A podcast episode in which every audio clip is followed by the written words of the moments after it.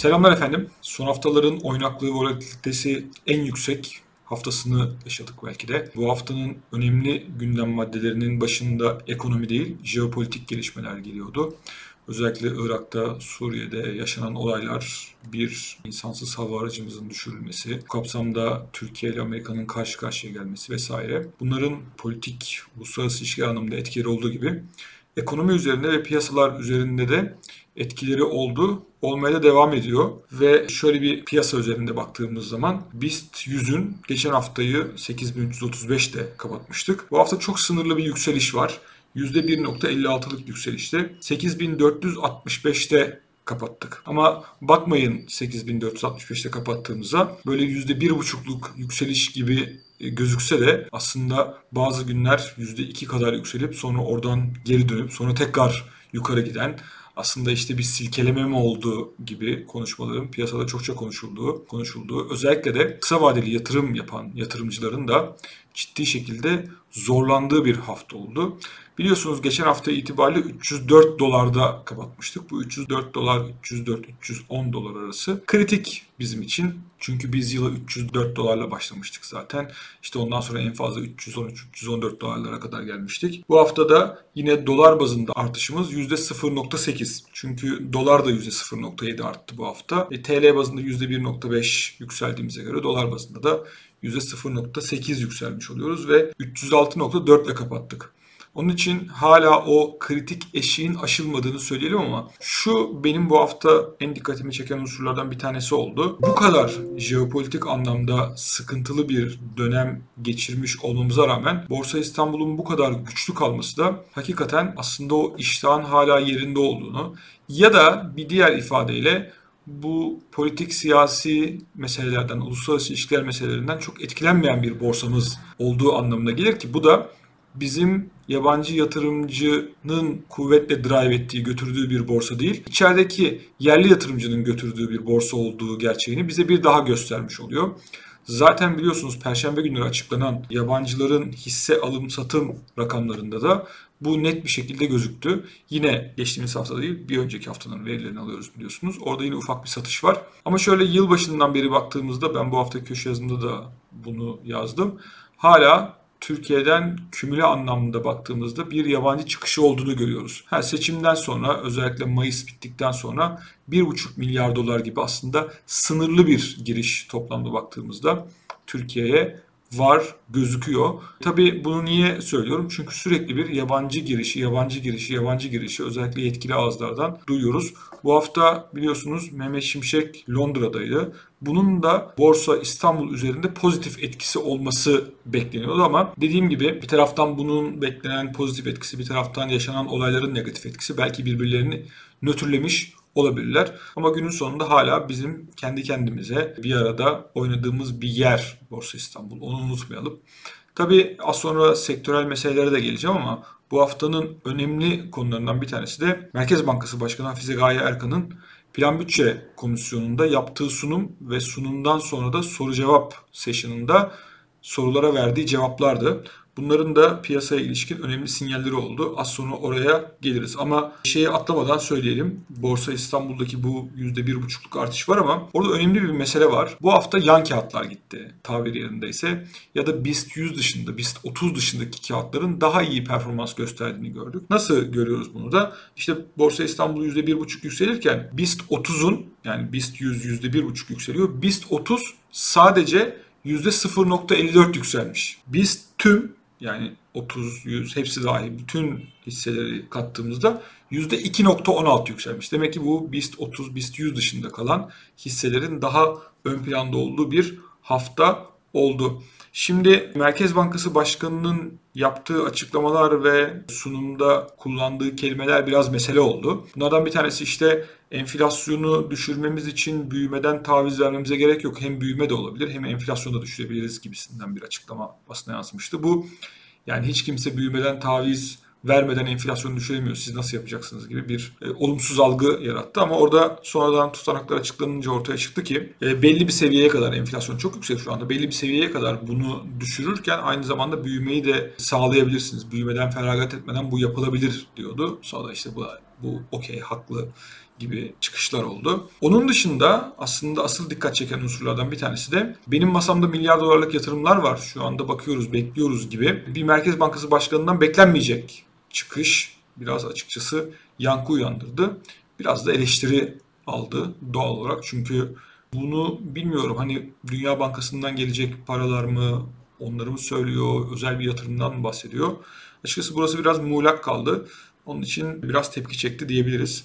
Ama bir pi- piyasa fiyatlaması olmadı açıkçası. Onun dışında 128 milyar dolar meselesi soruldu. O konu artık küllenen bir konu. Onu geçiyoruz. Dolara müdahale olmadığı meselesi konuşuldu ama bu konudan ben hala ikna almış değilim. Dolarda da bu hafta %0.7'lik bir artış olduğunu söyleyelim. 27.41'deydik. 27.61'e geldik. Bu biraz dünyayla paralel çünkü dünyada da az sonra anlatacağım.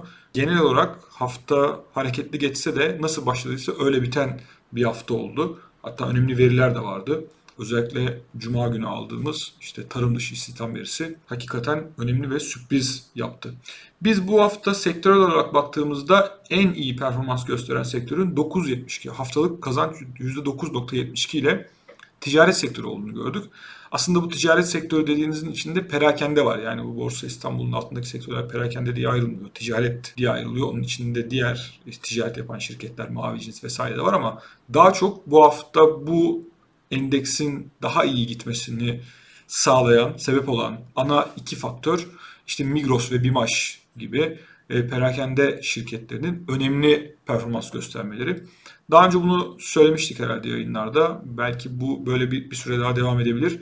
Çünkü hakikaten bunlar bakıyorsunuz olumsuz gelişmeler olma ihtimali var. İşte ihracatçılar daha ön planda değil bu sene diye rapor çıkıyor. Bankalar olabilir diyor. Bankaların üzerine regülasyon riski geliyor. Yani bir şekilde işte bir hafta tüpraş çok iyi gidiyor ama petrol fiyatları geri geldiğinde onun da emtia fiyatlarına duyarlılığı var. Bu hafta mesela en çok kaybettirenlerde.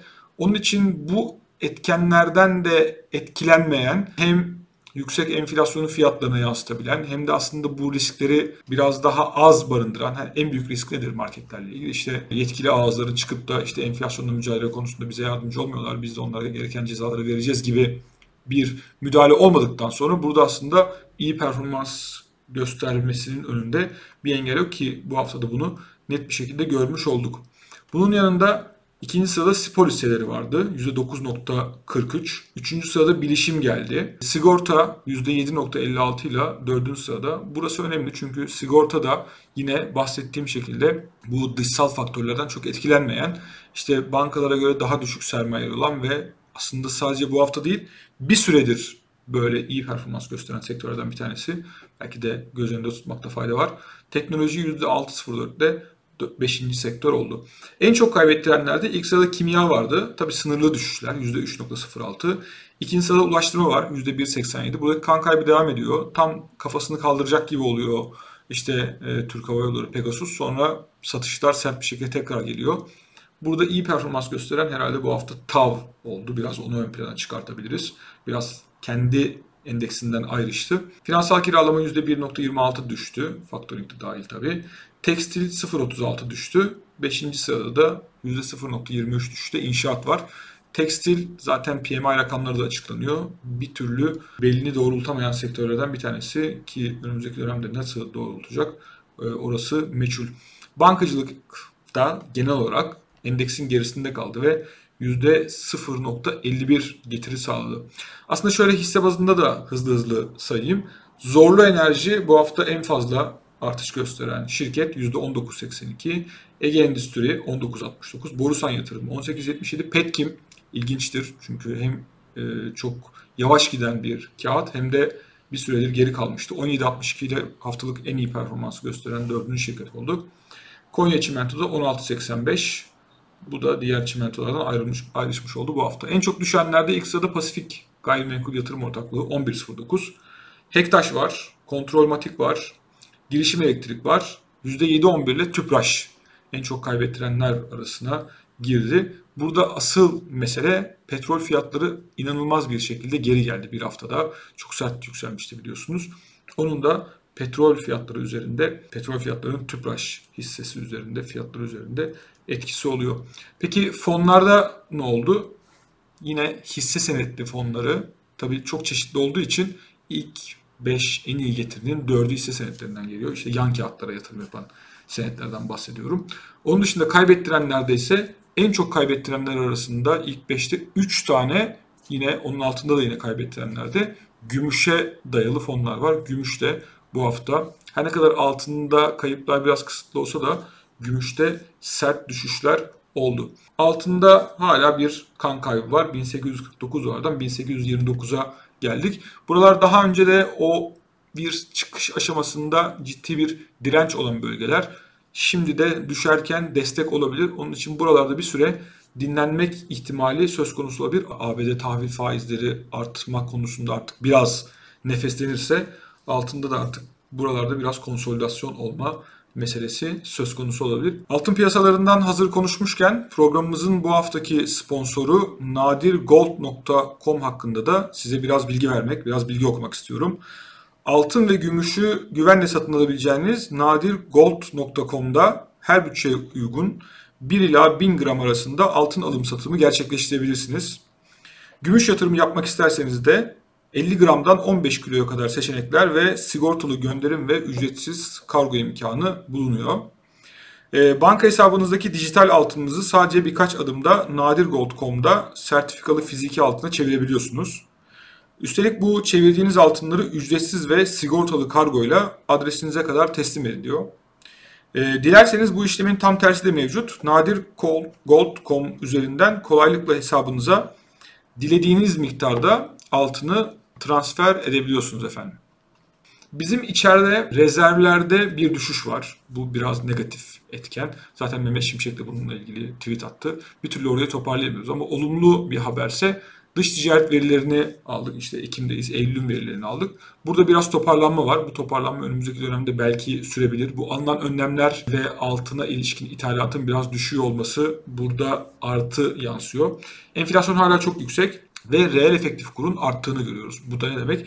TL reel olarak hala değerleniyor. Bunu sizlerle konuşmuştuk. TL reel olarak değerleniyor demek dolar yükseliyor ama enflasyon kadar yükselmiyor anlamına geliyor. Bu muhtemelen yıl sonuna kadar böyle devam edecek. Hesabınızı kitabınızı ona göre yapmanıza fayda var. Ne demek bu? İşte 28-29'lardan daha öteye gitmeyecek bir dolar TL'den bahsediyoruz demek şu andaki sistem devam ederse yıl sonu için söylüyorum. İlgilenenler için söyleyeyim. Reeskont kredilerinin faizleri düşürüldü, limitleri arttırıldı. Önemli gelişmelerden bir tanesi de CDS'lerimiz biliyorsunuz 400'ün altına düşmüştü.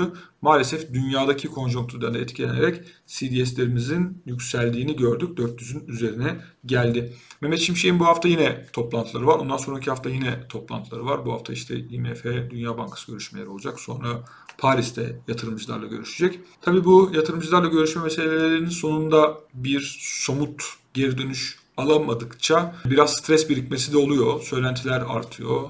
Yeterli kadar gelmiyor bu şeyler diye. Tabii önemli gelişmelerden bir tanesi de Türkiye ile ilgili raporlar sürekli yazılıyor ve burada da bugün yeni gelen raporlardan bir tanesi de TL'nin artık yeteri kadar değer kaybettiği, bu anlamda da doların yeteri kadar yükseldiği, buraların adil değerine yakın yerler olduğu, onun için yatırım yapılabilir seviyelere Türk varlıklarının geldiğini söylemeye başladı yabancı raporlar. Şimdi burası Türkiye böyleyken önemli olan mesele aslında yurt dışında. Çünkü inanılmaz bir şekilde e, ABD 10 yıllık tahvil faizleri 5 yıllık tahvil 2 yıllık yükseliyor. 10 yıllık faizler neredeyse 5'e yaklaştı. 4.80'e geldik. Geçen hafta 4.58'dik. Burada aslında kritik olan unsurlardan bir tanesi şu. Biliyorsunuz petrol fiyatları 95 dolara kadar çıkmıştı. Geçen hafta ise 91-95'te kapatmışız. Ve bu hafta 83-93'e geldik. Yani 95'ten 83'e geldi. Geçen haftadan bu haftaya yaklaşık %8.7 düşüş var. 95'ten alırsak bu düşüş %10'ların da üstüne gidiyor. Aslında burada finansal piyasalar içerisinde, emtia piyasası içinde bu dahil, tahmin yapmanın ne kadar zor olduğunu ve yapılan tahminlere ne kadar şüpheyle bakılması gerektiğini gösteriyor. Biliyorsunuz neredeyse herkes 95 dolara geldiğinde petrolün 100 dolara gideceğine kesin gözüyle bakıyordu ve böyle konuşuluyordu. İşte onun için bu e, kısa süreli fiyatlamalar sizin finansal piyasalarda ya da diğer piyasalarda işlem yaparken fikirlerinizi çok etkilemesin. Biraz daha uzun vade ve hikayeye bakmak lazım. Bugün veri geldi. ABD tarım dışı tam verisini aldık. Burada beklenti 170 bindi yeni iş yaratma. Rakam 336 bin geldi. Önceki rakamlar da önceki aylarda yukarıya doğru revize edildi. Tabii bu hala ekonominin sıcak olduğunu ve Fed'in faiz arttırımlarını hala yapabileceğine ilişkin bir beklenti yarattığı için piyasayı bozuyordu normalde. Ki veri açıklandıktan sonra da piyasa hakikaten bozuldu. Ama ondan sonra tekrar yukarı doğru geldi. Bu piyasanın bozulması ve yukarı doğru gelmesi tekrardan bir paradigma değişikliğini gösterebilir. Yani şunu söylüyorum. Bence bu önemli bir değişiklik eğer böyle bir değişiklik varsa. Kötü veri iyi haber, iyi veri kötü haber fiyatlaması var. Yani işte eğer şimdi bu iyi bir haber ekonomi için iş yaratıyor. İşte işsizlik 3.8'de kaldı. Bu çok düşük. Eğer iyi bir veri gelirse o zaman işte Fed faizi daha fazla daha rahat arttıracak. Onun için işte piyasa bozuluyor vesaire hikayesi vardı önceden. Şimdi artık Fed'in faiz artırımlarının sonuna geldiğimiz için bir faiz arttırımı var ya da yok. Bu artık çok fazla etkilemeyebilir. Tabii önemli olan ne kadar süre oralarda kalacağı, ne kadar süre 5,5 civarında kalacağı meselesi. Artık o konuşuluyor. Ne kadar hayır, ne kadar longer meselesi konuşuluyor. İşte o mesele şunun için önemli. Artık iyi veri iyi fiyatlamaya sebep oluyor olabilir bundan sonra. Ekonominin canlı olduğunu işte normal faizler de yükselmeyeceğine göre artık Fed'in faizleri iyi veri aynı zamanda hisselere de şirketlere de yansıyacak. Onun için iyi veri, iyi fiyatlamaya dönüyor olabiliriz. Buraya bir parantez açıp bu noktaya bakalım önümüzdeki dönemlerde de. Faiz arttırımı için Kasım'da 1 Kasım'da FED toplantısı var. %29 ihtimal gözüküyor şu anda. Zaten bir faiz arttırma ihtimali var. 13 Aralık'ta ise %37 yani kümüle toplamda %37 bir faiz arttırma ihtimali var. Yani hala faiz arttırmama ihtimalinin daha yüksek olduğunu düşünüyor piyasa. Dolar endeksi, euro dolar bunların hepsi bu hafta tamamen sabit kaldı. Ha, iniş çıkışlar var ama nasıl başladıysa öyle bitirdiler. 1.0573'teydik en son euro dolar paritesinde. S&P'de aynen euro dolar paritesi ve dolar endeksi gibi 4300'ler civarında geçen haftaya çok yakın yerlerde bu haftayı kapatacak. İşte özellikle tarım dışı istihdam verisi sonrasındaki o iniş çıkış hareketi bence önemli. Ücret artışlarının düşük gelmesi her ne kadar yeni iş çok fazla yaratılmış olsa da yıldan yıla ücret artışları çok yüksek gelmedi. 4.2 oldu. Geçen ay bu rakam yıllık 4.3'tü. Bunun da olumlu etkisini almış olabiliriz. Evet efendim bu haftalık benden bu kadar. Önümüzdeki hafta görüşmek üzere. Bol kazançlar diliyorum.